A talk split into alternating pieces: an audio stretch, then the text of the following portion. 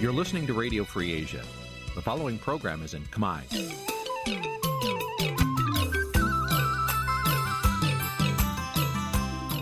នេះជាកម្មវិធីផ្សាយ Vuthu Azizi Serai នេះជាកម្មវិធីផ្សាយរបស់ Vuthu Azizi Serai ជាភាសាខ្មែរ Vuthu Azizi Serai សូមស្វាគមន៍លោកអ្នកនាងទាំងអស់ពីរដ្ឋធានី Washington នៃសហរដ្ឋអាមេរិក ពីរដ្ឋធានី Washington ខ្ញុំបាទសេកបណ្ឌិតសូមជម្រាបសួរអស់លោកអ្នកនាងកញ្ញាទាំងអស់ជាទីមេត្រី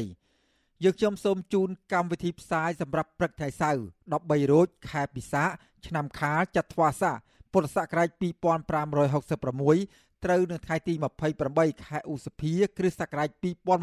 2022ជាដំបូងនេះសូមអញ្ជើញអស់លោកអ្នកនាងស្ដាប់ព័ត៌មានប្រចាំថ្ងៃដែលមានមេត្តាដូចតទៅ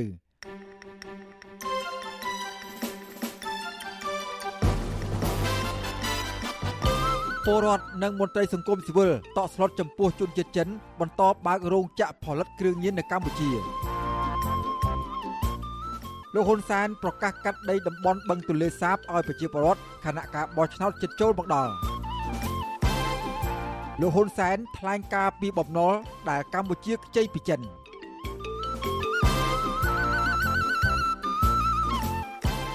ក្រុមហ៊ុនបនលបែងកាស៊ីណូ Naga World នៅតែបន្តបដិសេធសំណើរបស់ក្រុមកោតក្រក្នុងការបញ្ចប់វិវាទការងាររួមនឹងព័ត៌មានសំខាន់សំខាន់មួយចំនួនទៀត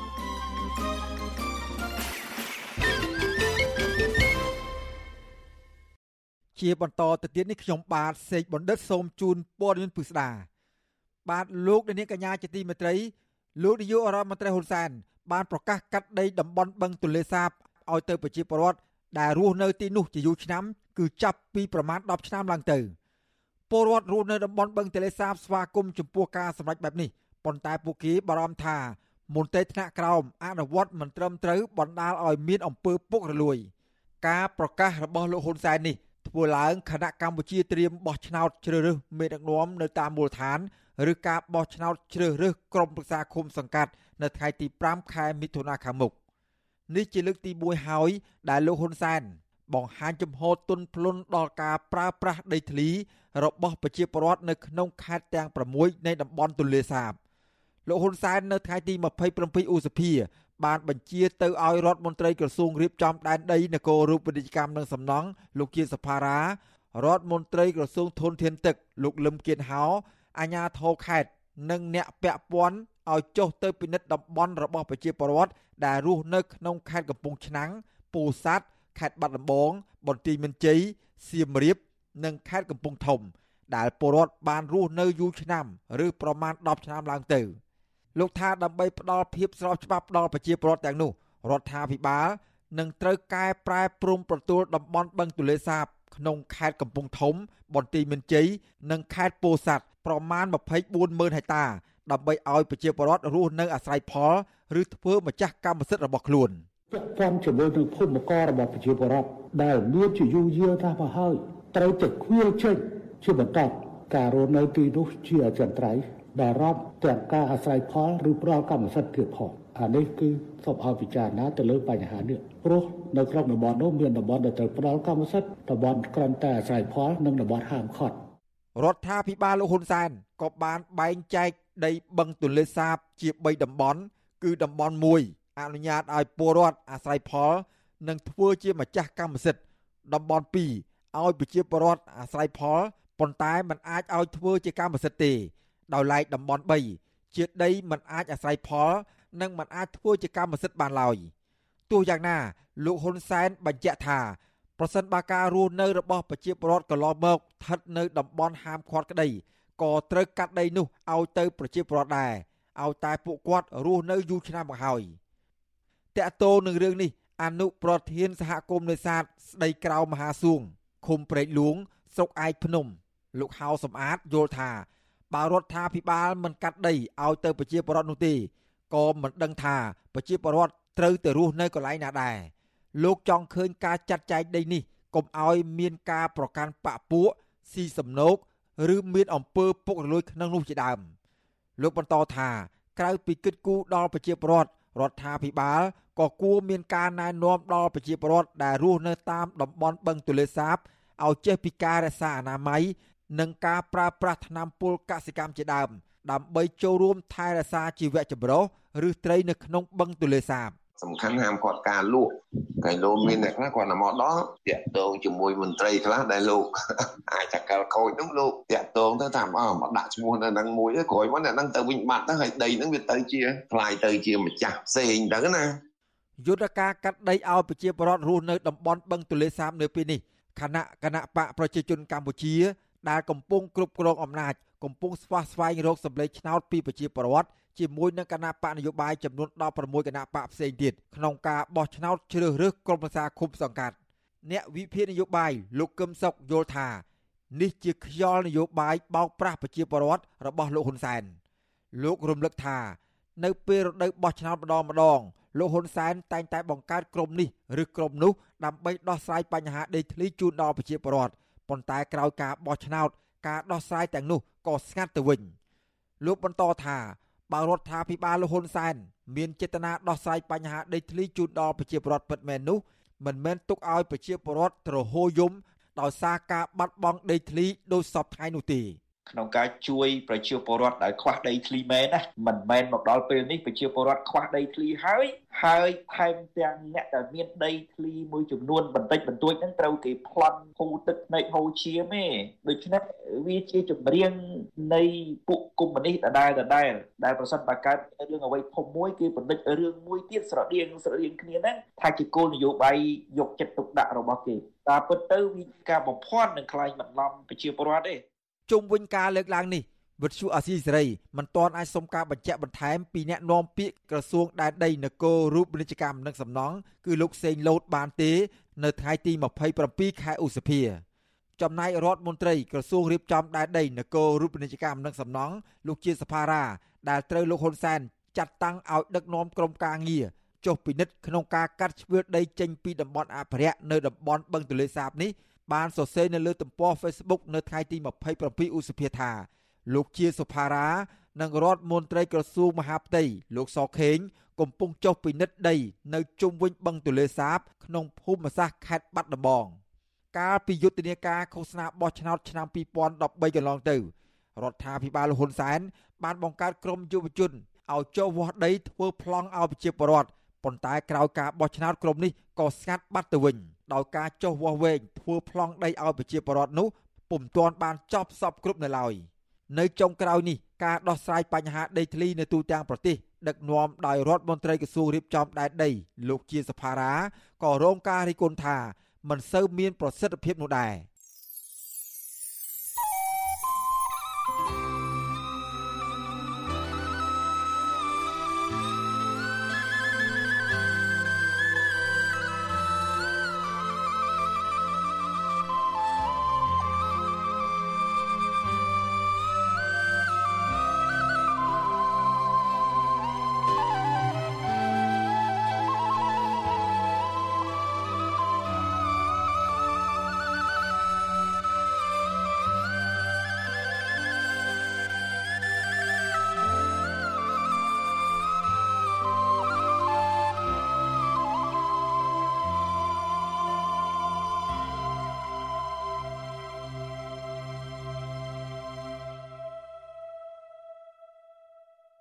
បាទលោកនាងកញ្ញាជាទីមេត្រីពាក់ព័ន្ធនឹងគណៈបកដែលទើបបង្កើតថ្មីនៅក្នុងអាណត្តិបោះឆ្នោតជ្រើសរើសក្រុមប្រឹក្សាឃុំសង្កាត់អាណត្តិទី5នេះវិញ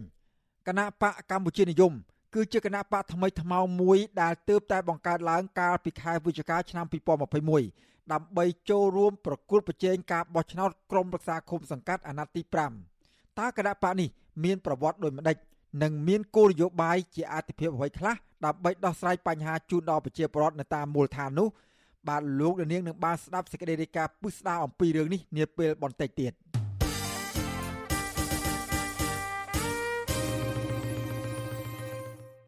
ប្រជាសហគមន៍ដីធ្លីអះអាងថា ពួកគេនឹងបោះឆ្នោតជ្រើសរើសក្រុមប្រឹក្សាឃុំសង្កាត់ដែលមានសមត្ថភាពពិតប្រាកដដើម្បីការពារផលប្រយោជន៍និងកម្មសិទ្ធិដីស្រែចម្ការរបស់ពួកគាត់មន្ត្រីអង្គការសង្គមស៊ីវិលចង់ឃើញការបោះឆ្នោតឃុំសង្កាត់ឆ្លុះបញ្ចាំងពីឆន្ទៈរបស់ប្រជាពលរដ្ឋ ដោយគ្មានការគំរាមកំហែងទិញទឹកចិត្តនិងលួចបន្លំស្លឹកឆ្នោតជាដើមបាទពីរដ្ឋធានីវ៉ាស៊ីនតោនលោកយ៉ងច័ន្ទរារាយការណ៍ជុំវិញព័ត៌មាននេះ សហគមន៍រងគ្រោះដីធ្លីមួយចំនួនរំពឹងថាការបោះឆ្នោតជ្រើសរើសក្រុមប្រឹក្សាឃុំសង្កាត់ខាងមុខនេះពួកគាត់នឹងទទួលបានតំណែងថ្នាក់មូលដ្ឋានដែលមានភាពស្មោះត្រង់និងយកចិត្តទុកដាក់ដោះស្រាយបញ្ហាដីធ្លីជូនពួកគាត់ដែលបានអូសបន្លាយពេលរាប់ឆ្នាំដើម្បីឲ្យប្រជាពលរដ្ឋមានដីស្រែអាចបង្កបង្កើនផលចិញ្ចឹមជីវិត និងមានជីវភាពរស់នៅសមរម្យឡើងវិញ តំណាងប្រជាពលរដ្ឋជាង1000គ្រួសារដែលមានចំនួនដីធ្លីជាមួយក្រុមហ៊ុនរបស់អង្គការលីយ៉ុងផាត់នៅខេត្តកោះកុងគឺលោកឈឹមសុផានលើកឡើងថាប្រជាសហគមន៍រងគ្រោះដីធ្លីដែលមានឈ្មោះបោះឆ្នោត នឹងនាំគ្នាទៅបោះឆ្នោតនៅថ្ងៃទី5ខែមិថុនាខាងមុខនេះពីព្រោះការបោះឆ្នោតនេះគឺជាឱកាសដ៏សំខាន់សម្រាប់ពួកគាត់ដើម្បីប្រើប្រាស់សិទ្ធិរើសមេដឹកនាំមូលដ្ឋានណាដែលហ៊ានការពារផលប្រយោជន៍ប្រជាពលរដ្ឋពិសេសការដោះស្រាយបញ្ហាដីធ្លីដែលធ្លាប់ទទួលរងនូវភាពអយុត្តិធម៌នាពេលកន្លងទៅលោកបន្តថាការដែលជ្រើសរើសមេដឹកនាំខុសឬគ្មានឆន្ទៈបម្រើប្រជាពលរដ្ឋពិតប្រាកដបានធ្វើឲ្យពួកគាត់លំបាក5ឆ្នាំ។ គឺស្រុកបតុមសាគរកន្លែងមានបញ្ហាដីធ្លីវិវាទអរ៉ាំរ៉ៃអញ្ចឹងប្រជាពលរដ្ឋគាត់ភ្ញាក់រលឹកច្រើនមកគ្រូចាំមើលលទ្ធផលនៃការបោះឆ្នោតនឹងវាយ៉ាងម៉េចតែខ្ញុំមើលថាអាចវិជ្ជមានដែរព្រោះប្រជាពលរដ្ឋគាត់ចង់ទៅរាំងរៀបរាំងអ្នកដែលជួដីនេះប្រហែលថ្ងៃនេះឃើញថាវាផលលំបាកច្រើនមែនតើអញ្ចឹងប្រជាពលរដ្ឋគាត់ដឹងថាឃើញជាក់ស្ដែងពិតប្រាកដហើយឃើញនឹងភ្នែកហើយ ស្រដៀងគ្នានេះតំណាងសហគមន៍ដីធ្លី76គ្រួសារនៅឃុំរំទុំស្រុករវៀងខេត្តព្រះវិហារនិងជាជនជាតិដើមភាគតិចគួយលោកស្រីយឹមសុផាត លើកឡើងថារយៈពេលជាង10ឆ្នាំមកនេះប្រជាពលរដ្ឋនៅក្នុងសហគមន៍របស់លោកស្រី បានទទួលរងទុក្ខវេទនានឹងការរើសអើងដោយសារតែអាជ្ញាធរមិនហ៊ានចេញមុខរកដំណោះស្រាយករណីក្រុមហ៊ុនអ្នកមានអំណាចរំលោភយកដីស្រែចម្ការរបស់ពួកគាត់។ ក៏ប៉ុន្តែលោកស្រីឲ្យដឹងថាការបោះឆ្នោតលើកនេះប្រជាសហគមន៍រងគ្រោះដីធ្លីចង់បានអាជ្ញាធរមូលដ្ឋាន ជួយការពារដីចម្ការដូច្នេះពួកគាត់នឹងទៅបោះឆ្នោតជ្រើសរើសមេឃុំនាពេលខាងមុខនេះ។ អាញាធឿនេះបើវាខົບខិតគ្នារួមកំណត់គ្នាទាំងអស់គ្នាហើយគេមិនដោះស្រាយជូនជាពលរដ្ឋទេទោះបីយើងដាក់ពាក្យប្តឹងយ៉ាងណាក៏ដោយយើងទើបយ៉ាងណាក៏ដោយក៏គេមិនគេមិនលើកទូរស័ព្ទយើងហើយគេមិននិយាយតបតជាមួយយើងទៀតគេរអើងគេស្អប់ណាស់ឥឡូវនេះជាពលរដ្ឋគេដឹងអស់ហើយទុកលំបាកខ្លាំងពេកវិទ្យានាជុំវិញរឿងនេះគណៈបកប្រជាជនកម្ពុជានិងគណៈបកភ្លើងទៀនបានបង្ហាញគោលនយោបាយនិងដំណោះស្រាយក្រោយដឹកនាំរដ្ឋបាលឃុំសង្កាត់ពេលជាប់ឆ្នោត អ្នកនាំពាក្យគណៈបកប្រជាជនកម្ពុជាលោកសុកអេសានអះអាងថាគណៈបកកណ្ដាលអំណាចមានគោលនយោបាយផ្ដាល់ដីសម្បត្តិសង្គមគិច្ចជូនប្រជាពលរដ្ឋដែលខ្វះខាតដីជាក់ស្ដែងចំណែកគោលនយោបាយដោះស្រាយដីធ្លីវិញលោកឲ្យដឹងថារដ្ឋាភិបាលនិងអាជ្ញាធរមូលដ្ឋានបានខិតខំដោះស្រាយតាមរយៈគណៈកម្មការដោះស្រាយទំនាស់ដីធ្លីក្រៅប្រព័ន្ធតុលាការដោយទទួលបានលទ្ធផលល្អប្រសើរជូនប្រជាពលរដ្ឋ លោកបញ្ជាក់ថាករណីទំនាស់ដែលនៅសេសសល់មួយចំនួនកើតឡើងដោយសារជនខិលខូចពីព្រោះដីឡើងថ្លៃតែប៉ុណ្ណោះក្នុងការតំឡងនេះក៏ឡងទៅប្រហែលចន្លោះពី10ឆ្នាំ20ឆ្នាំកន្លងទៅនេះគឺវាមានខ្ទង់ប្រហែលជា20000ករណីប៉ុន្តែដោយសារការខិតខំដោះស្រាយរបស់រាជរដ្ឋាភិបាលនិងអាជ្ញាធរគ្រប់ជាន់ថ្នាក់គឺទំនាស់ដីធ្លីនឹងវាអស់ជាមូលដ្ឋានហើយបាទទោះបីជាយ៉ាងណារដ្ឋាភិបាលដឹកនាំដោយលោកហ៊ុនសែនកន្លងមក បានបរាជ័យដោះស្រាយបញ្ហាដីធ្លីពលរដ្ឋនៅទូទាំងប្រទេសពលរដ្ឋភៀសច្រើនបានបាត់បង់ដីធ្លីដោយសារតែការរំលោភបំពានពីសំណាក់អ្នកមានលុយនិងមានអំណាចចំណែកអនុប្រធានគណៈបកភ្លើងទៀនលោកសុនឆៃលោកថ្លែងថាគោលនយោបាយការពារកម្មសិទ្ធិដីធ្លីពលរដ្ឋគឺជាគោលនយោបាយដ៏ធំចម្បងដែលមេឃុំចៅសង្កាត់របស់គណៈបកភ្លើងទៀនត្រូវផ្ដល់ទំនុកចិត្តជូនពលរដ្ឋដោយមិនរំលោភបំពានឬខົບខិតជាមួយក្រុមហ៊ុនជាដាច់ខាត។ លោកបន្តថាតាមរយៈសិទ្ធិអំណាចឃុំសង្កាត់និងការពិគ្រោះយោបល់នានាលោកជឿជាក់ថាករណីដីធ្លីរបស់ប្រជាពលរដ្ឋនឹងទទួលបានការការពារពីមេឃុំចៅសង្កាត់នៃគណៈបកភ្លើងទៀន ឈ្មួញទុច្ចរិតណាឬក៏អ្នកមានអំណាចណាចង់មកបន្លប់បន្លំលួចកែលួចផន់យកដីធ្លីគឺវាគុំចៅសង្កាត់មិនធានាថាលើកពួកគាត់មិនអនុញ្ញាតឬក៏មិនតំគំនិតដើម្បីធ្វើឲ្យពលរដ្ឋនឹងបាត់បង់ដីធ្លីបានទេនេះជានយោបាយច្បាស់លាស់មួយបានធានាដោយគោលនយោបាយរបស់គណៈបកផងហើយមានការបដិញ្ញាចិត្តពីឯកជនរបស់ក្រមប្រឹក្សាគុំសង្កាត់របស់គណៈបកភ្លើងទៀនផង តកតងទៅនឹងរឿងនេះប្រធានសមាគមការពារសិទ្ធិមនុស្សអាត6លោកនីសុខាមានប្រសាសន៍ថាកន្លងទៅប្រជាពលរដ្ឋធ្លាប់បង្ហាញឆន្ទៈរបស់ខ្លួនម្ដងរួចមកហើយតាមរយៈការបោះឆ្នោតជ្រើសរើសក្រុមប្រឹក្សាគុំសង្កាត់ក៏ប៉ុន្តែតំណាងរបស់ពួកគាត់ត្រូវបានដកហូតដែលធ្វើឲ្យស្ថានភាពប្រជាធិបតេយ្យនៅកម្ពុជាធ្លាក់ចុះយ៉ាងណាក្តីលោកថាការបោះឆ្នោតថ្នាក់ក្រោមជាតិអាណត្តិនេះពលរដ្ឋនឹងយល់ច្បាស់ក្នុងការជ្រើសរើសគណៈបកនយោបាយណា ដែលការពារនិងគ្រប់គ្រងសកម្មភាពរបស់ពួកគាត់តាក់ទងទៅនឹងរឿងដីធ្លី គឺប្រជាពលរដ្ឋគាត់នឹងធ្វើការសម្រេចចិត្តក្នុងការជ្រើសរើសអ្នកបម្រើណាដែលគាត់យល់ថាគាត់អាចពឹងពាក់និងអាចពឹងអាស្រ័យបាន នៅពេលខាងមុខចឹងហើយបានជាការរៀបចំការបោះឆ្នោតនេះយើងអំពាវនាវឲ្យប្រជាពលរដ្ឋមានការចូលរួមក្នុងការសម្ដែងមតិក្នុងការជ្រើសរើសអ្នកតំណាងរបស់ខ្លួននឹងឲ្យទៅតាមឆន្ទៈរបស់ខ្លួនឲ្យទៅតាមការពេញចិត្តរបស់ខ្លួនដោយគ្មានការបង្ខិតបង្ខំដោយគ្មានការទិញដូរស្លឹកឆ្នោតដោយគ្មានការកេយបន្លំស្លឹកឆ្នោត ការបោះឆ្នោតជ្រើសរើសក្រុមប្រឹក្សាឃុំសង្កាត់អាណត្តិទី5នេះនឹងប្រព្រឹត្តទៅនៅថ្ងៃអាទិត្យទី5ខែមិថុនាខាងមុខក្នុងនោះគណៈបកនយោបាយចំនួន17បានចូលរួមប្រកួតប្រជែងដណ្ដើមយកអាសនៈសមាជិកក្រុមប្រឹក្សាឃុំសង្កាត់ដែលមានចំនួនជាង10000អាសនៈហើយប្រជាពលរដ្ឋជាង9លាន2សែននាក់បានចុះឈ្មោះក្នុងបញ្ជីបោះឆ្នោតខ្ញុំយ៉ងច័ន្ទដារាវិទ្យុអាស៊ីសេរីរាយការណ៍ពីរដ្ឋធានី Washington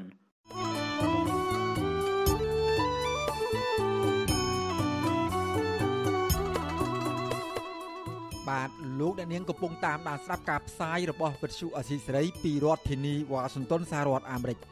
ក្រៅពីលោកអ្នកនាងស្ដាប់ការផ្សាយរបស់យើងខ្ញុំតាមរយៈបណ្ដាញសង្គម Facebook និង YouTube នោះលោកអ្នកនាងក៏អាចស្ដាប់ការផ្សាយរបស់យើងខ្ញុំតាមវិទ្យុរលកធារកាសខ្លីឬ Shortwave តាមកម្រិតនិងកម្ពស់ដូចតទៅនេះពេលព្រឹកចាប់ពីម៉ោង5កន្លះដល់ម៉ោង6កន្លះ តាមរយៈរលកធាតុអាកាសខ្លី12140 kHz ស្មើនឹងកម្ពស់ 25m និង13715 kHz ស្មើនឹងកម្ពស់ 22m នៅពេលយប់ចាប់ពីម៉ោង7កន្លះដល់ម៉ោង8កន្លះតាមរយៈរលកធាតុអាកាសខ្លី9960 kHz ស្មើនឹងកម្ពស់ 30m 12140 kHz ស្មើនឹងកម្ពស់ 25m និង11885 kHz ស្មើនឹងកម្ពស់ 25m បាទសូមអរគុណ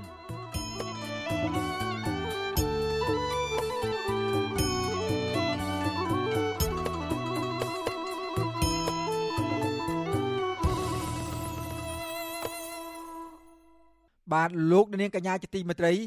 មេឃុំគណៈបកភ្លើងទៀន15នាក់នៅស្រុកកមាសខេត្តកំពង់ចាម បានចូលរួមផ្សះផ្សានៅគណៈកម្មការរៀបចំការបោះឆ្នោតខេត្តតាមបណ្ដឹងចោលប្រកាន់របស់គណៈបកកណ្ដាលអំណាចពាក់ព័ន្ធនឹងរឿងប្រើប្រាស់ថវិកាចែកដល់ពលរដ្ឋក្នុងពេលឃោសនាបោះឆ្នោត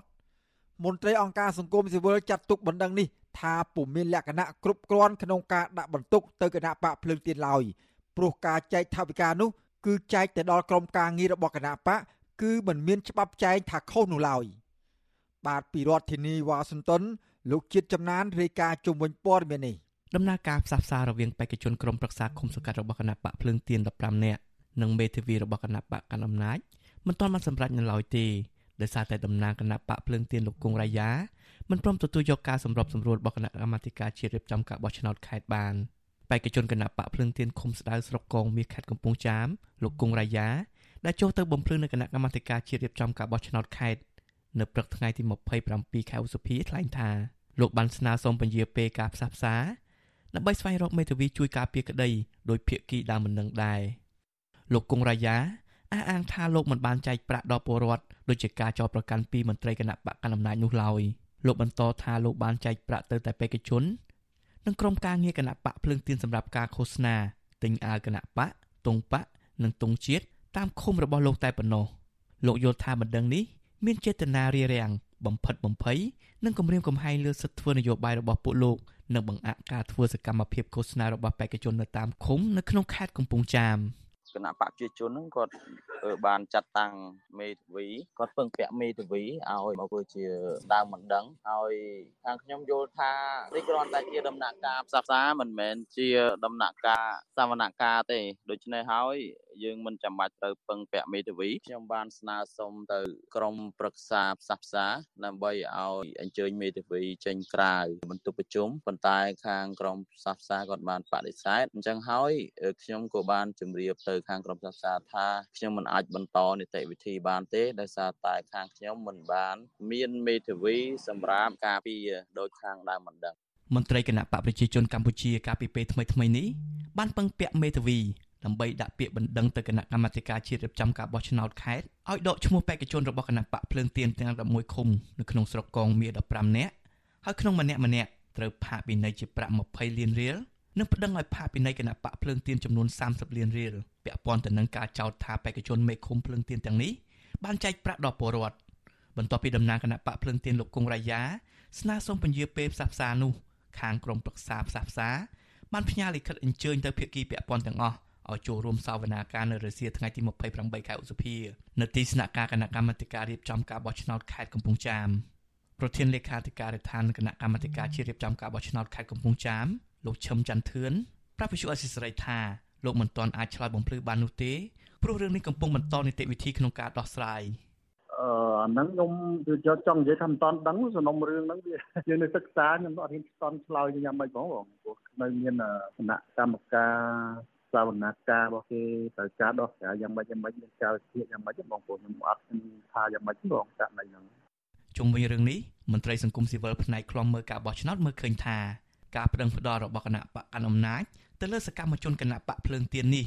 ធ្វើឲ្យប៉ះពាល់ដល់បរិយាកាសនយោបាយនៅមុនការបោះឆ្នោតឃុំសង្កាត់អ្នកសម្របសម្រួលផ្នែកអង្គការនឹងតស៊ូមតិនៃអង្គការ Confrel លោកកនសវាងថ្លែងថា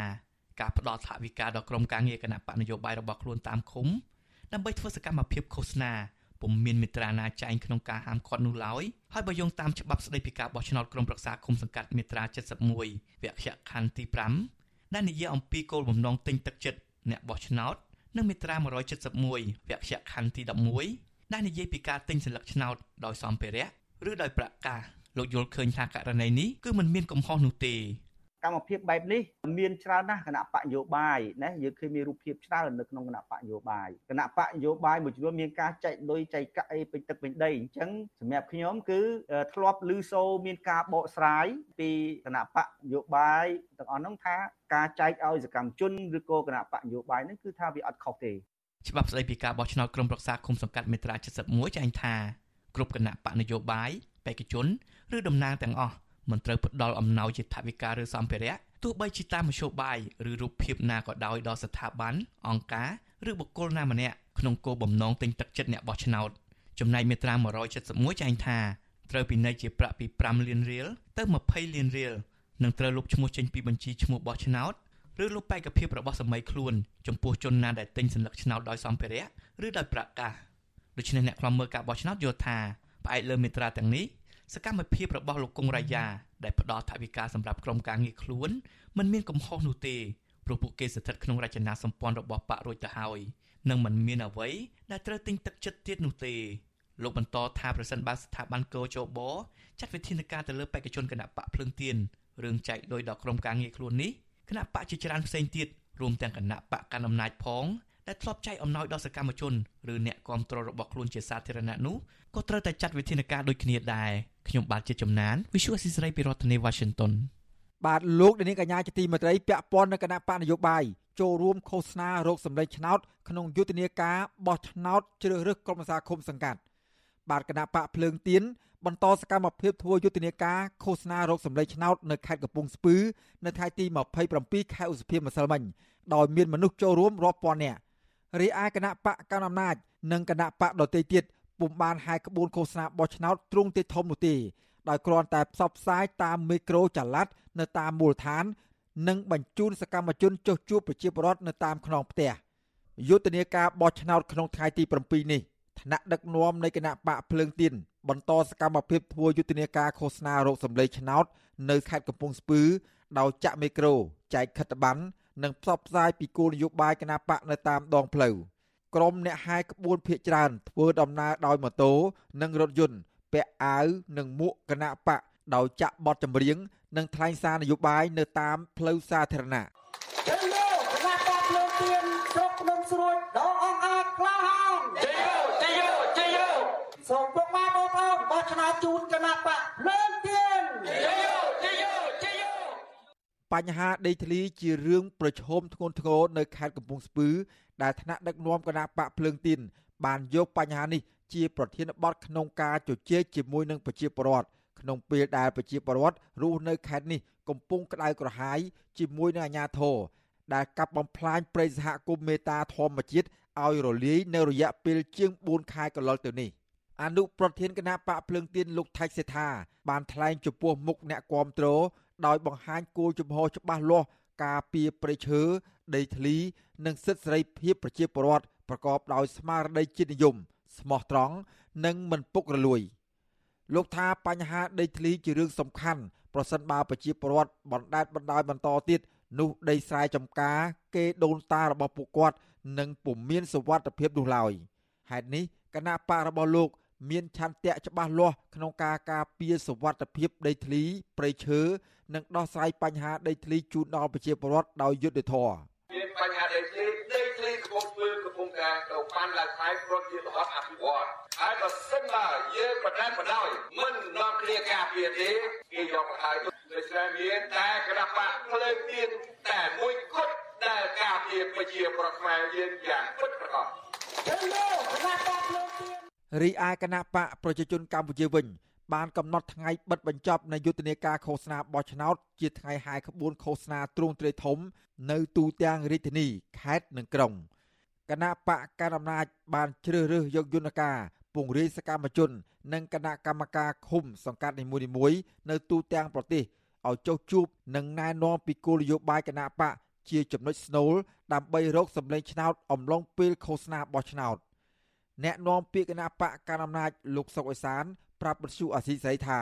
គណៈបករបស់លោក បានខិតខំអនុវត្តត្រឹមត្រូវតាមគោលការណ៍ច្បាប់និងបទបញ្ញត្តិនានារបស់គោចបដោយមិនឲ្យមានបញ្ហាកើតឡើងនោះឡើយដើម្បីរួមចំណែកឲ្យដំណើរការបោះឆ្នោតប្រព្រឹត្តទៅដោយរលូននិងជោគជ័យលោកបន្ថែមថាក្នុងថ្ងៃយុទ្ធនាការឃោសនាបោះឆ្នោតកន្លងទៅនេះសកម្មជនគណៈបករបស់លោកបានដាក់ពាក្យប្តឹងទៅគោចប ដើម្បីដោះស្រាយបញ្ហាមួយចំនួនតូចនៅថ្នាក់មូលដ្ឋានប៉ុន្តែពុំមានអំពើហិង្សា និងភាពមិនប្រក្រតីធ្ងន់ធ្ងរនោះទេធម្មតាទេតែគណៈបកណាល្មើសច្បាប់អានឹងភាគីម្ខាងទៀតគេមានសិទ្ធិប្តឹងហើយព្រមទៅគោយោបល់ដើម្បីឲ្យដោះស្រាយនេះទូទាំងប្រទេសគឺគណៈបកប្រជាជនកម្ពុជាខិតខំអនុវត្តឲ្យបានត្រឹមត្រូវតាមគោលការណ៍ច្បាប់និងគោលការណ៍នីតិវិធីក៏ដូចជាបទបញ្ជារបស់គោយោបល់មិនឲ្យមានបញ្ហាអ្វីកើតឡើង រីឯគណៈបកយុវជនកម្ពុជាវិញ បានជូនដំណឹងអំពីការរៀបចំហែក្បួនឃោសនារោគសម្លេងឆ្នោតទ្រង់ទ្រាយធំ ដោយមានមនុស្សចូលរួម2000នាក់យុទ្ធនាការនោះដឹកនាំដោយប្រធានគណៈបកយុវជនកម្ពុជា គឺលោកពេជ្រស្រស់ដែលនឹងធ្វើឡើងនៅរាជធានីភ្នំពេញនៅថ្ងៃទី29ខែឧសភាខាងមុខនេះប្រធាននាយកដ្ឋានកិច្ចការនយោបាយនៃគណៈបកយុវជនកម្ពុជា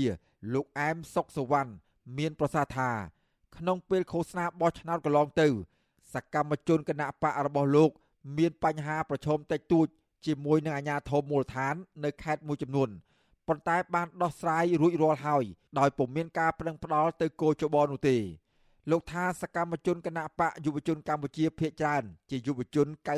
90% ក្នុងនោះមាននិស្សិតនិងបញ្ញវន្តពោពេញដោយសមត្ថភាពគ្រប់គ្រាន់ក្នុងការកសាងជាតិនិងអភិវឌ្ឍជាតិរុងរឿងទៅថ្ងៃអនាគតសូមលើកដៃម្រាមដប់គោរពជូនគាត់បោះឆ្នោតជូនគណៈបកយុវជនកម្ពុជាពីព្រោះគណៈបកយុវជនកម្ពុជាដែលបំរើប្រជាពលរដ្ឋដោយឆន្ទៈនិងមនសិការខ្ពស់និងជាតិនិយមហើយសិតតែជាយុវជន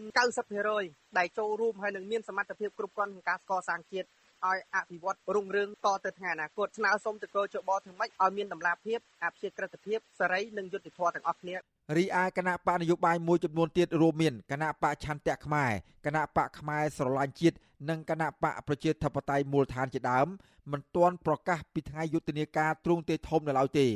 ដោយសកម្មជនគណៈបកនយោបាយទាំងនោះបន្តធ្វើសកម្មភាពឃោសនារោគសម្លេងឆ្នោតទ្រង់ទ្រាយតូចតូចនៅតាមឃុំសង្កាត់នាខេត្តមួយចំនួន។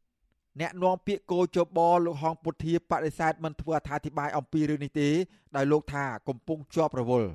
ជុំវិញរឿងនេះអ្នកសម្របសម្រួលផ្នែកអង្គការនិងតស៊ូមតិនៃអង្គការ Confrel លោកកនសវាងសុគិតឃើញថាយុទ្ធនាការឃោសនាបោះឆ្នោតមួយនេះមានភាពមិនប្រក្រតីមួយចំនួនបានកើតឡើងដូចជានៅតាមបណ្ដាខេត្តមួយចំនួនរួមមានខេត្តកំពង់ចាម និងខេត្តកោះកុងជាដើមក្នុងនោះមានមន្ត្រីគណៈបកកណ្ដាលអំណាច បានប្តឹងពេកភាពឃុំ សង្កាត់របស់គណៈបកភ្លើងទៀននៅតែមិនទាន់ដោះស្រាយបញ្ចប់នៅឡើយទេ បញ្ហានេះលោកថា ដំណោះស្រាយនៅតែពន្យាពេលដោយសារតែដើមមិនដឹងមិនដកពាក្យមិនដឹង និងមិនសម្របសម្រួល លមានគណៈបកអំណាចដែលជាអ្នកប្តឹងបាទជាពិសេសឧទាហរណ៍ដោយចាក់តងលើរឿងការចែកអំណោយនៅខាងកំពង់ចាមការប្រើប្រាស់សារណានៅខាងបៃលិនទៅក៏កតុងបាទមិនដឹងតែទៅនឹងសារអីជាដើមទៅដែលមានបាត់ដំបងបាត់អីដើមដែលពាក់ព័ន្ធជាមួយនឹងរឿងជាច្រើនគឺកើតចេញពីគណៈបកកាន់អំណាចទៅលើគណៈបកផ្សេងទៀតណាបាទនេះគឺជាដំណើរការនៃការប្តឹងដែលខ្ញុំមើលឃើញ យុទ្ធនាការរកសម្លេងឆ្នោតរបស់គណៈបកនយោបាយទាំង17ដែលចូលរួមការបោះឆ្នោតថ្នាក់ក្រោមជាតិនៅថ្ងៃទី5ខែមិថុនាខាងមុខមានរយៈពេល14ថ្ងៃគឺចាប់ពីថ្ងៃទី21ខែឧសភាដល់ថ្ងៃទី3ខែមិថុនាខាងមុខច្បាប់បោះឆ្នោតអនុញ្ញាតឲ្យគណៈបកនយោបាយហាយក្បួនទ្រង់ទ្រាយធំនៅតាមមូលដ្ឋានរបស់ខ្លួន ត្រឹមតែ2ដងប៉ុណ្ណោះក្នុងអំឡុងពេលឃោសនាបោះឆ្នោតឃុំសង្កាត់នីមួយៗ កាលពីថ្ងៃទី25ខែឧសភាកន្លងទៅគណៈកម្មការជាតិរៀបចំការបោះឆ្នោតហៅកាត់ថាកោជប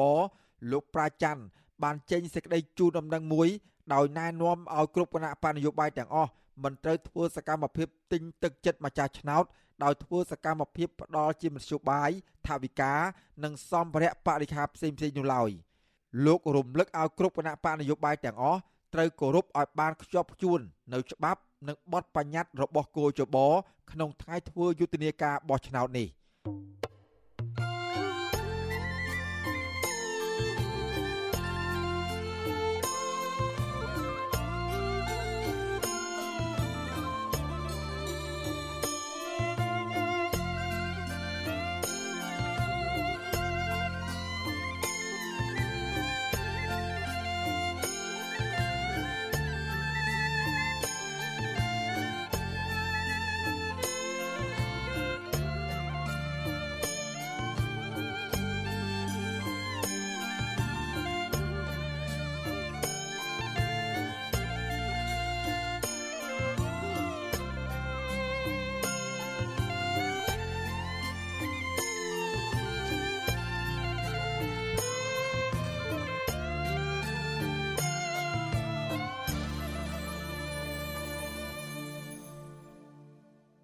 បាទលោកអ្នកនាងកញ្ញាជាទីមេត្រីតំណាងទូតប្រទេសស្វីសដែលមាននិវេសនដ្ឋាននៅក្រុងបាងកកប្រទេសថៃបានទៅជួបប្រធានគណៈបកសង្គ្រោះជាតិលោកកំសខាដល់គេហដ្ឋានរបស់លោកនៅរាជធានីភ្នំពេញកាលពីថ្ងៃទី26ខែឧសភា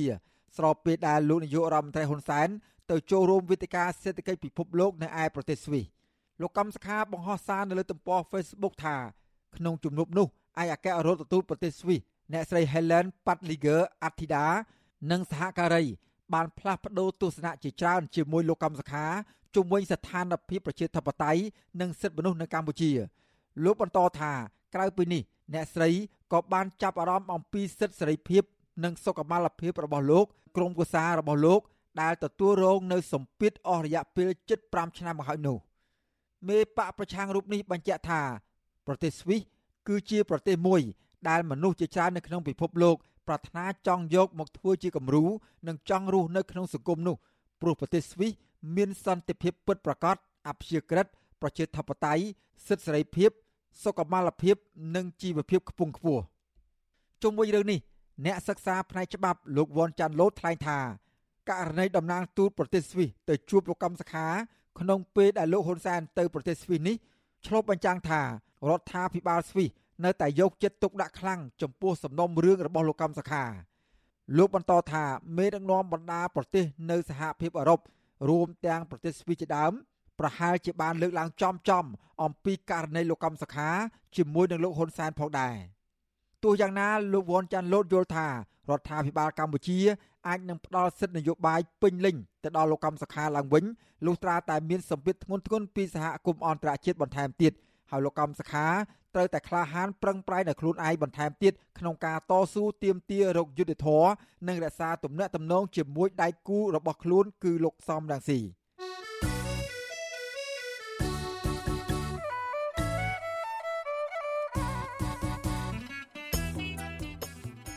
បាទលោកនាងកញ្ញាជាទីមេត្រីក្រៅពីការតាមដានស្ដាប់ការផ្សាយរបស់វិទ្យុអស៊ីសេរីតាមបណ្ដាញសង្គម Facebook YouTube Telegram លោកអ្នកនាង ក៏អាចតាមដានស្ដាប់ការផ្សាយរបស់យើងខ្ញុំ តាមរយៈបណ្ដាញសង្គម Instagram របស់ Vuthu Azizi តាមរយៈតំណភ្ជាប់ www instagram.com/rfa ខ្មែរវិទ្យុអសីសេរីបន្តខិតខំផ្សព្វផ្សាយព័ត៌មានពិតទៅកាន់បងប្អូនតាមរយៈបណ្ដាញសង្គមផ្សេងៗនិងសម្បូរបែប ដើម្បីលោកនាងងាយស្រួលតាមដានការផ្សាយរបស់វិទ្យុអសីសេរីគ្រប់ពេលវេលា និងគ្រប់ទីកន្លែង តាមរយៈទូរស័ព្ទរបស់អស់លោកនាង បាទសូមអរគុណ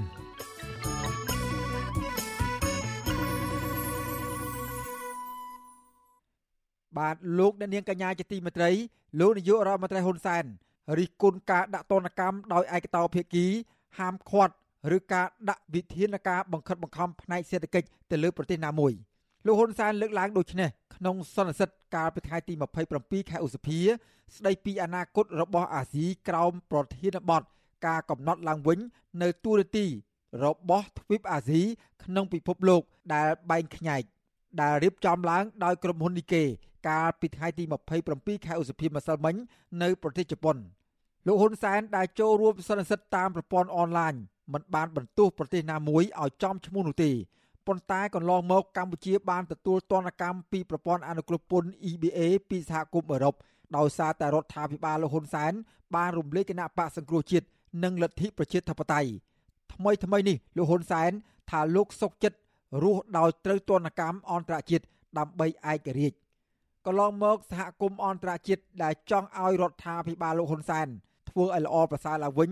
នៅវិស័យសិទ្ធិមនុស្សនិងលទ្ធិប្រជាធិបតេយ្យទើបទទួលបានការអនុគ្រោះពន្ធឡើងវិញលោកហ៊ុនសែនក៏លើកឡើងថាការផ្ទុះឡើងនៅសង្គ្រាមនៅប្រទេសអ៊ុយក្រែនការបង្កបរិយាកាសសន្តិសុខជាសកលឲ្យមានការប្រែប្រួលនិងអាចបង្កគ្រោះថ្នាក់ដែលគ្មាននរណាម្នាក់អាចប៉ាន់ប្រមាណបាននិងអាចប៉ះពាល់ដល់ការងើបឡើងវិញនៃការអភិវឌ្ឍសង្គមនិងសេដ្ឋកិច្ចក្រោយវិបត្តិជំងឺ Covid-19 លោកថាសង្គ្រាមនេះ ក៏ធ្វើឲ្យពិភពលោកឈានចូលទៅដល់របត់ថ្មីមួយនៃការបែកបាក់និងការបែងចែកពលបណ្ដោះកម្ពុជា និងវិទ្យាសាស្ត្រនយោបាយនឹងធ្វើឲ្យរដ្ឋតូចតូចបង្ខំចិត្តជ្រើសរើសរវាងប្រទេសមហាអំណាចពាក់ព័ន្ធបញ្ហានេះនឹងបង្កើតនៅផលវិបាកច្រើនសម្រាប់ការអភិវឌ្ឍតំបន់អាស៊ីលោកជំរុញឲ្យប្រទេសអាស៊ីរក្សាអធិបតេយ្យភាព និងឯករាជ្យភាពទោះបីជាយ៉ាងណាក៏ដោយកន្លងមក គេមើលឃើញថា កម្ពុជាកំពុងមានគោលនយោបាយលំអៀងទៅរកប្រទេសចិនអាមេរិកបានចោទកម្ពុជាថា បានផ្ដល់មូលដ្ឋានយោធាកងទ័ពជើងទឹកទៅឲ្យយោធាចិនប្រើប្រាស់នៅខេត្តប្រសេនុលោកហ៊ុនសែនក៏បានថ្លែងការពីបំណុលកម្ពុជា ដែលខ្ចីពីចិនដែរកម្ពុជាជាពាក់បំណុលបរទេសប្រមាណ79000លានដុល្លារកាលពីឆ្នាំ2020បំណុលទ្វេភាគីស្មើប្រមាណ69%នៃបំណុលបរទេសទាំងមូល ដែលពាក់កណ្ដាលនៃបំណុលនោះជាបំណុលចិនលោកថាកម្ពុជាចាំបាច់ខ្ចីលុយពីបរទេសដើម្បីកសាងហេដ្ឋារចនាសម្ព័ន្ធហើយកម្ពុជានឹងមិនជាប់អន្ទាក់ប្រទេសណាមួយដោយសារតែបំណុលនោះទេលោកបន្តថាពាណិជ្ជកម្មនឹងចិន មានសារៈសំខាន់សម្រាប់កម្ពុជា ជាពិសេសវិស័យអគិសនីសន្និសីទអន្តរជាតិដែលរៀបចំឡើងដោយក្រុមហ៊ុននីកេ បានផ្ដល់វិធីការសម្រាប់មេដឹកនាំនិងអ្នកស្រាវជ្រាវជជែកគ្នាពីបញ្ហាក្នុងតំបន់ក្នុងសន្និសីទអន្តរជាតិកាលពីឆ្នាំ2021លោកហ៊ុនសែនថាប្រសិនបើកម្ពុជាមិនពឹងផ្អែកលើចិនតើឲ្យកម្ពុជាទៅពឹងអ្នកណា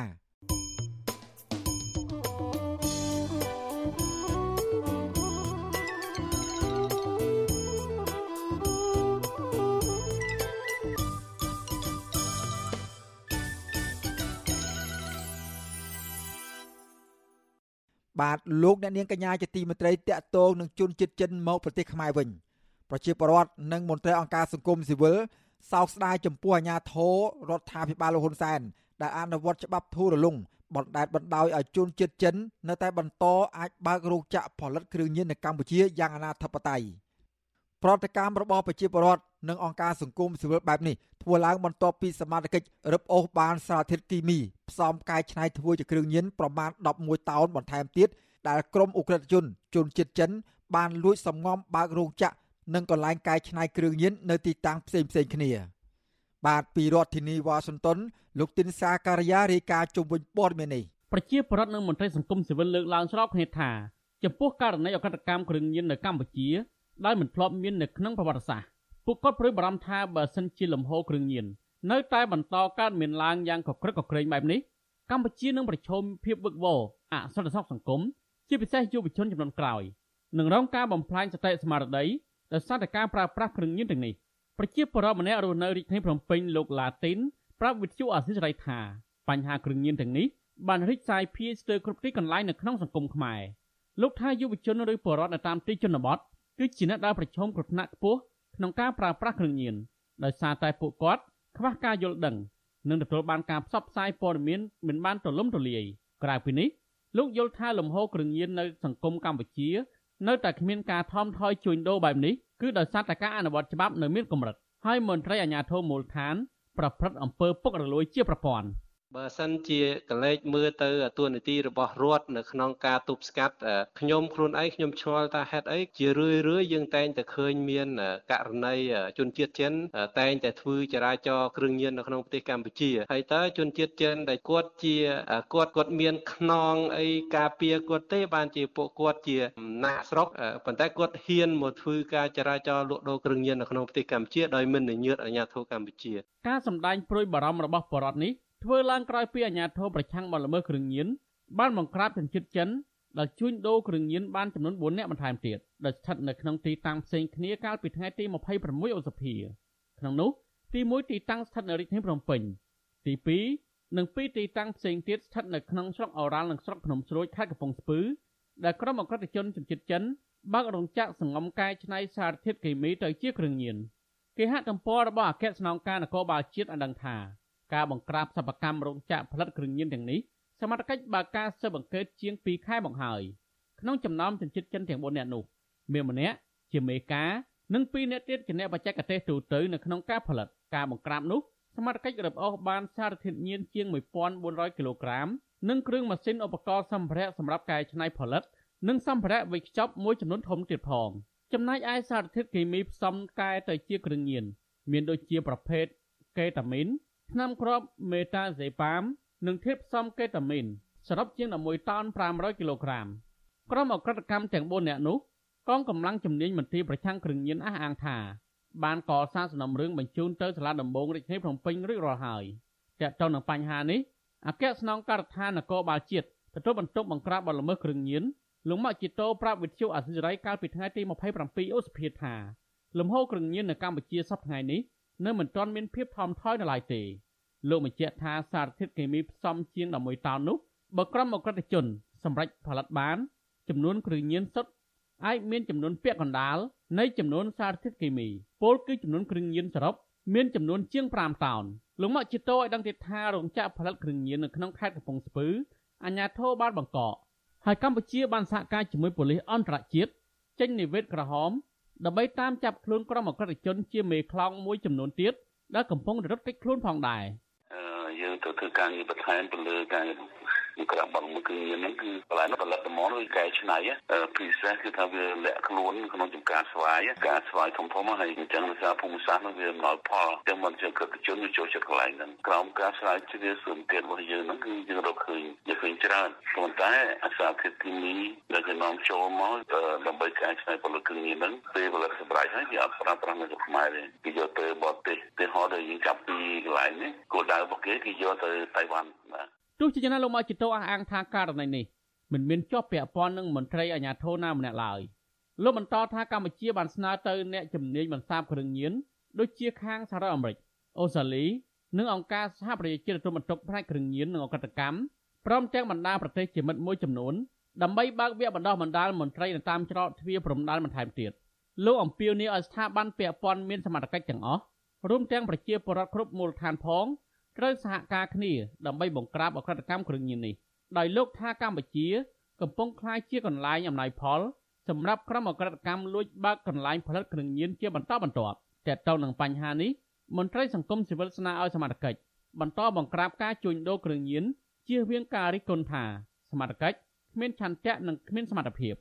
ប្រធានមជ្ឈមណ្ឌលប្រជាប្រដ្ឋដើម្បីអភិវឌ្ឍនិងសន្តិភាពលោកយងកំឯងរិះគន់ថាបើអាជ្ញាធរអនុវត្តច្បាប់គ្មានប្រសិទ្ធភាពបណ្ដោយឲ្យជនជាតិចិនទាំងនោះបន្តបើករោងចក្រផលិតគ្រឿងញៀននៅកម្ពុជា តាមដំណឹងចិត្តបែបនេះរដ្ឋាភិបាលកាន់តែរងភាពអាម៉ាស់នៅលើឆាកអន្តរជាតិលោកស្នើយ៉ាងទទូចដល់អាជ្ញាធរត្រូវតែអនុវត្តច្បាប់ឲ្យបានម៉ឺងម៉ាត់និងគ្រប់គ្រងជនជាតិចិនឲ្យមានប្រសិទ្ធភាពលើសពីនេះ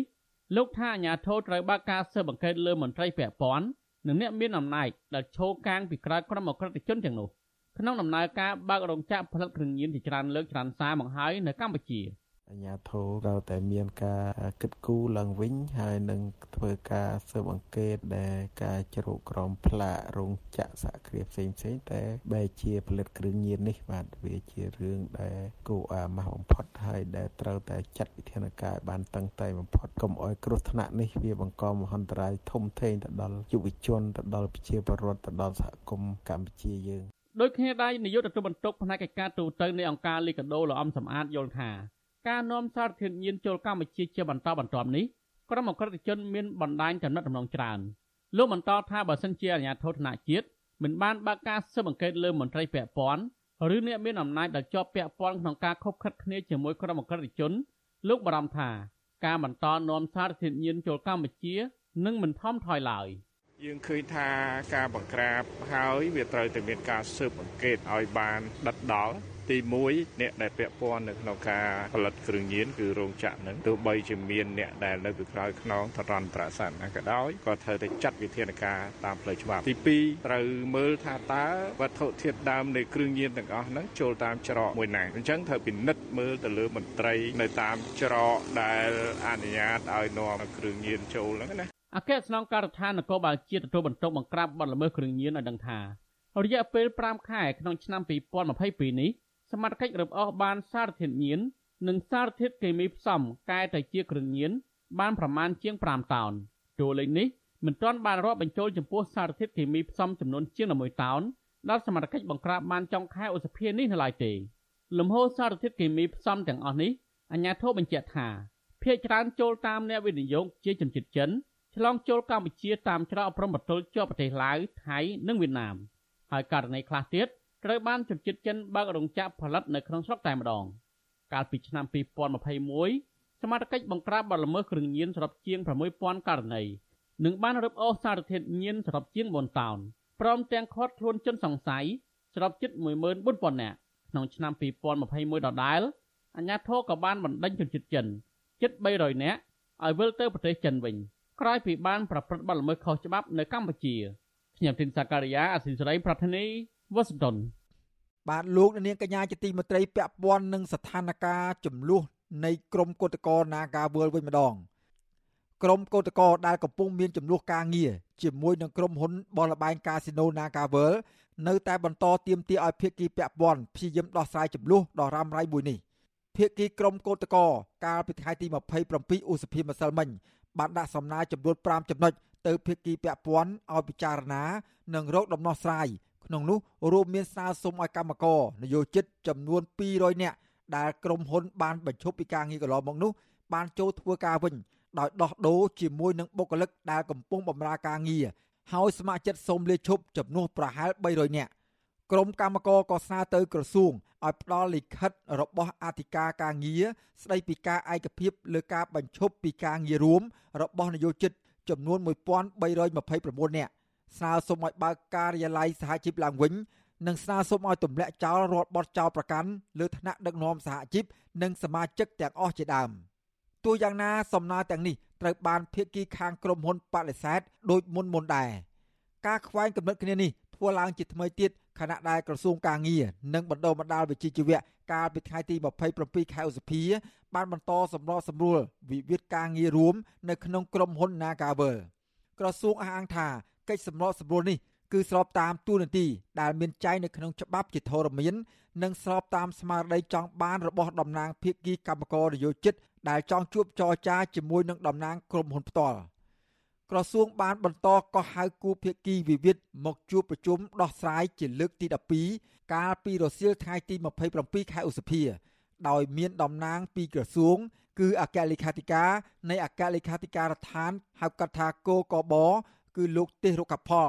តំណាងភាគីកម្មករនយោជិត និងតំណាងភាគីនយោជកឬក្រុមហ៊ុនចូលរួមផងដែរកិច្ចប្រជុំសម្របសម្រួលនេះពុំបានទទួលផលប្រយោជន៍អ្វីធំដុំនៅឡើយក្រមសហជីពនិងតំណាងភាគីកម្មករយល់ឃើញថា ការបញ្ឈប់ពីការងាររួម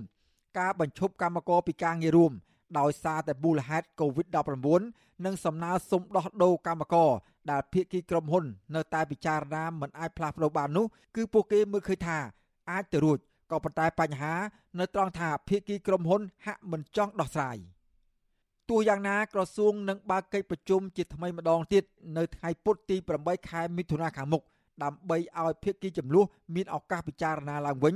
អំពីលទ្ធភាពនៃការសម្បទានគ្នាទៅវិញទៅមកដែលអាចឈានទៅដល់បញ្ចប់ចំនួនការងារនេះ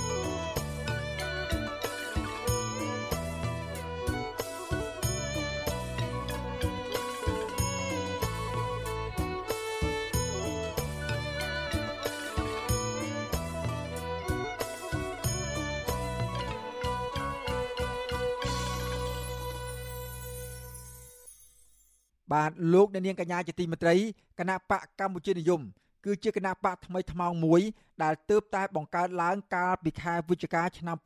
2021ដើម្បីចូលរួមប្រគល់ប្រជែងការបោះឆ្នោតក្រុមប្រឹក្សាឃុំសង្កាត់អាណត្តិទី5នេះតើគណៈបកថ្មីនេះមានប្រវត្តិយ៉ាងដូចម្ដេចនិងមានគោលនយោបាយជាអត្ថិភាពអ្វីខ្លះដើម្បីដោះស្រាយបញ្ហាជូនដល់ប្រជាពលរដ្ឋនៅតាមមូលដ្ឋាននោះ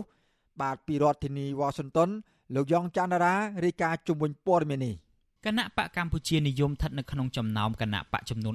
17ដែលចូលរួមប្រកួតប្រជែងនៅក្នុងការបោះឆ្នោតក្រុមប្រឹក្សាឃុំសង្កាត់អាណត្តិទី5នេះគណៈបកនេះរាប់ថាជាគណៈបកដែលបែកចេញពីគណៈបកសង្គ្រោះជាតិពីព្រោះមេដឹកនាំគណៈបកនេះគឺជាអតីតតំណាងរាស្ត្រនិងជាឋានៈដឹកនាំជាន់ខ្ពស់មួយរូបនៃគណៈបកសង្គ្រោះជាតិដែលស្និទ្ធនឹងលោកកឹមសុខាគឺលោកយ៉ែមពញ្ញរិទ្ធគណៈបកនេះមានរូបសញ្ញាឥន្ទ្រីដែលតំណាងឲ្យភាពអំណត់ព្យាយាមម៉ឺងម៉ាត់ និងមានចក្ខុវិស័យវែងឆ្ងាយលោកយ៉ែមពញ្ញរិទ្ធអះអាងថាប្រភពចំណូលធំបំផុតរបស់គណៈបកបានមកពីក្រមស្ថាបនិកនិងពលរដ្ឋខ្មែរនៅក្រៅប្រទេសលោកយ៉ែមពញ្ញរិទ្ធដែលមានសញ្ជាតិបារាំងផងនោះឲ្យដឹងបន្ថែមថាមូលហេតុដែលលោកបង្កើតគណៈបកកម្ពុជានិយមនេះឡើងគឺដើម្បីជាជំរកសម្រាប់សកម្មជននយោបាយនិងអ្នកប្រជាធិបតេយ្យនៅក្នុងការតស៊ូរយៈពេលវែង។ លោកច្រានចោលមតិដែលថាគណៈបកកម្ពុជានិយមបង្កើតឡើងដើម្បីបំបែកសម្លេងអ្នកប្រជាធិបតេយ្យផ្ទុយទៅវិញលោកបញ្ជាក់ថាគណៈបករបស់លោកនៅតែចង់ឲ្យមានការរួបរวมគ្នារវាងអ្នកប្រជាធិបតេយ្យក៏ប៉ុន្តែលោកថាត្រូវតែរួបរวมនៅលើគោលការណ៍មិនមែនយកបុគ្គលជាធំនោះទេកម្ពុជានិយមយើងចង់មានការរួបរวมគ្នាអ្នកប្រជាធិបតេយ្យអ្នកជាតិនិយមក៏ប៉ុន្តែដោយខ្ញុំបញ្ជាក់ ជាថ្មីម្ដងទៀតហើយឲ្យច្បាស់ជាទីបំផុតគឺត្រូវការរួបរวมគ្នានៅលើគោលការណ៍ផែនការយុទ្ធសាស្ត្រនិងគោលដៅឲ្យជាក់លាក់មិនមែនរួបរวมគ្នាជាមួយបុគ្គលពីព្រោះខ្ញុំតែងតែនិយាយឲ្យកម្ពុជានិយមបានកំណត់ខ្ញុំបានជជែកជាមួយក្រុមស្ថាបនិកគឺបុគ្គលមិនអមតៈក៏ប៉ុន្តែកម្ពុជាត្រូវឲ្យនៅជាអមតៈដូច្នេះគ្មានបុគ្គលទេដែលត្រូវសម្រេចចិត្តឬក៏រំលោភទៅលើគោលការណ៍ទៅតាមអារម្មណ៍ទៅតាមបំណងរបស់ខ្លួន គណៈបកកម្ពុជានិយមបានដាក់បេក្ខជនឈរឈ្មោះចំនួន38ឃុំសង្កាត់នៅ10រាជធានីខេត្តខេត្តដែលគណៈបកនេះដាក់បេក្ខជនច្រើនជាងគេ គឺនៅខេត្តព្រៃវែងទីដែលលោកយ៉ែមពញ្ញរិទ្ធធ្លាប់ជាប់ឆ្នោតជាតំណាងរាស្ត្រពីអាណត្តិជាប់គ្នាចន្លោះពីឆ្នាំ2008រហូតដល់ការរំលាយគណៈបកសង្គ្រោះជាតិនៅចុងឆ្នាំ2017លោកយ៉ែមពញ្ញរិទ្ធឲ្យដឹងថានៅក្នុងចំណោមបេក្ខជនទាំង38ឃុំសង្កាត់នោះ បេក្ខជនលើសពី50%គឺជាយុវជននិងស្ត្រីដែលលោកហៅថាជាទំពាំងស្នងឫស្សីលោកបញ្ជាក់ថាមូលហេតុដែលគណៈបកដាក់បេក្ខជនជាយុវជននិងស្ត្រីឲ្យបានច្រើននេះពីព្រោះពួកគាត់មានសមត្ថភាពនិងមានធម៌ពល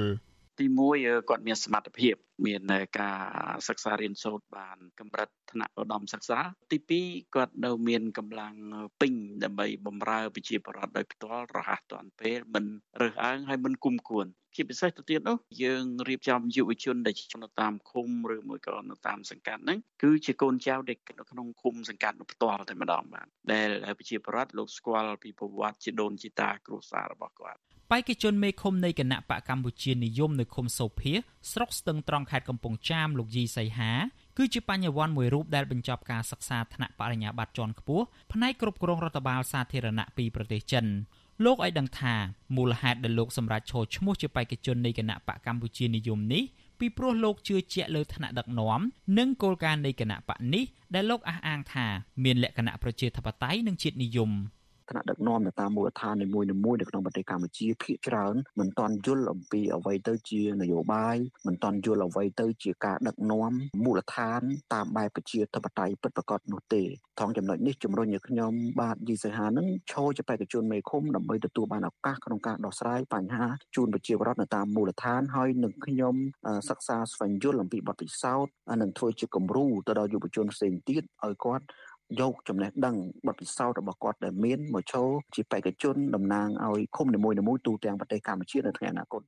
គោលនយោបាយអតិភិបឃុំសង្កាត់របស់គណៈបកកម្ពុជានិយមសម្រាប់ប្រកួតប្រជែងនៅក្នុងការបោះឆ្នោតក្រុមប្រឹក្សាឃុំសង្កាត់អាណត្តិទី5នេះមានចំនួន6ចំណុចក្នុងនោះរួមមានសេវារដ្ឋបាលសាធារណៈសេវាសន្តិសុខសង្គមសេវាសេដ្ឋកិច្ចសេវាសុខាភិបាល សេវាអប់រំនិងសេវាគុណភាពជីវិតសម្រាប់សេវារដ្ឋបាលសាធារណៈ គណៈបកកម្ពុជានិយមបដិញ្ញាបម្រើប្រជាពលរដ្ឋរហ័សទាន់ពេល មិនពុករលួយ មិនរើសអើងនិងមានក្រមសីលធម៌រីឯសេវាសន្តិសុខសង្គមវិញគណៈបកនេះផ្ដោតទៅលើការដោះស្រាយបញ្ហាគ្រឿងញៀនចោរកម្មនិងលបែងស៊ីសងគណៈសេវាសេដ្ឋកិច្ចគណៈបកនេះគ្រោងដោះស្រាយបញ្ហាទុន ទឹកទីផ្សារទំនាក់ទំនងនិងបច្ចេកទេសចំពោះសេវាសុខាភិបាលវិញគណៈបកកម្ពុជានិយមផ្ដោតលើមណ្ឌលសុខភាពបម្រើរាស្ត្រ ស្ត្រីកុមារនិងចាស់ជរាដោយរោគសម្ភារៈពេទ្យថ្នាំសង្កូវនិងការដឹកអ្នកជំងឺខ្វះខាតទៅព្យាបាលចំណែកសេវាអប់រំវិញគណៈបកនេះគ្រោងធ្វើឲ្យសាលារៀនមានបរិស្ថានស្អាតអនាម័យល្អកន្លែងហាត់កីឡាបណ្ណាល័យនិងសម្ភារៈផ្សេងទៀតដោយឡែកចំពោះសេវាគុណភាពជីវិតវិញគណៈបកកម្ពុជានិយមផ្ដោតលើបញ្ហាសិទ្ធិសេរីភាពសុវត្ថិភាពស្បៀងនិងចំណីអាហារបរិស្ថានអនាម័យនិងយុត្តិធម៌សង្គម ប្រធានគណៈបកកម្ពុជានិយមលោកយ៉ែមពុញរិទ្ធស្នើដល់ប្រជាពលរដ្ឋទាំងអស់ឲ្យទៅបោះឆ្នោតជ្រើសរើសតំណាងនៅតាមមូលដ្ឋាន ស្របតាមឆន្ទៈរបស់ខ្លួនជាមួយគ្នានេះលោកក៏ស្នើដល់ថ្នាក់ដឹកនាំនយោបាយឲ្យឈប់និយាយបរិហាគ្នាដោយខ្វះមូលដ្ឋានតទៅទៀតដែរខ្ញុំពៀវនាវដល់ថ្នាក់ដឹកនាំនយោបាយជាពិសេសល្មមដល់ពេលដែលដឹងខ្លួនឈប់ក្អេងក្អាងហើយឈប់ពួតទៀតតើបាក់7អំពេកបាក់អាបបាក់អាយ៉ងអីទាំងប្រមាណល្មមឈប់ទៅ ពីព្រោះក្រមស៊ីឈ្នួលចាញ់ក៏មានក្រមសងំក៏មានពីព្រោះគោលបំណងរបស់បកកណ្ដាលបើយើងយល់ឲ្យច្បាស់មែនទែនគឺគេមិនចង់ឲ្យយើងអ្នកប្រជាធិបតេយ្យហ្នឹងបានតំណែងក្រមប្រសាគុំសង្កាត់និងជាមេឃុំនៅថ្នាក់ដឹកនាំមូលដ្ឋានទេដូច្នេះចំណុចនេះសូមអំពាវនាវបងប្អូនបរិបទជើញទៅបោះឆ្នោតទាំងអស់គ្នាទៅតាមការយល់ឃើញរបស់បងប្អូនការបោះឆ្នោតក្រុមប្រឹក្សាឃុំសង្កាត់អាណត្តិទី5នឹងប្រព្រឹត្តទៅនៅថ្ងៃអាទិត្យទី5ខែមិថុនាខាងមុខដោយមានគណៈបកនយោបាយចូលរួមចំនួន17គណៈបកចូលរួមប្រគួតប្រជែង ដើម្បីដណ្ដើមយកអាសនៈសរុបដែលមានចំនួនជាង11000អាសនៈលោកយ៉ែមពញ្ញរិទ្ធសង្ឃឹមថាគណៈបករបស់លោកនឹងទទួលបានអាសនៈមួយចំនួននៅក្នុងឃុំសង្កាត់ដែលគណៈបកបានដាក់បេក្ខជនលោកបន្ថែមថាជំហានបន្ទាប់របស់គណៈបកកម្ពុជានិយមនៅក្រៅការបោះឆ្នោតក្រុមប្រឹក្សាឃុំសង្កាត់នេះគឺការកសាងកម្លាំងនិងរចនាសម្ព័ន្ធរបស់គណៈបកនៅទូទាំងប្រទេសដើម្បីឈានឆ្ពោះទៅរកការបោះឆ្នោតនាពេលខាងមុខខាងមុខទៀត ខ្ញុំយ៉ងច័ន្ទដារាវិទ្យុអាស៊ីសេរីរាយការណ៍ពីរដ្ឋធានី Washington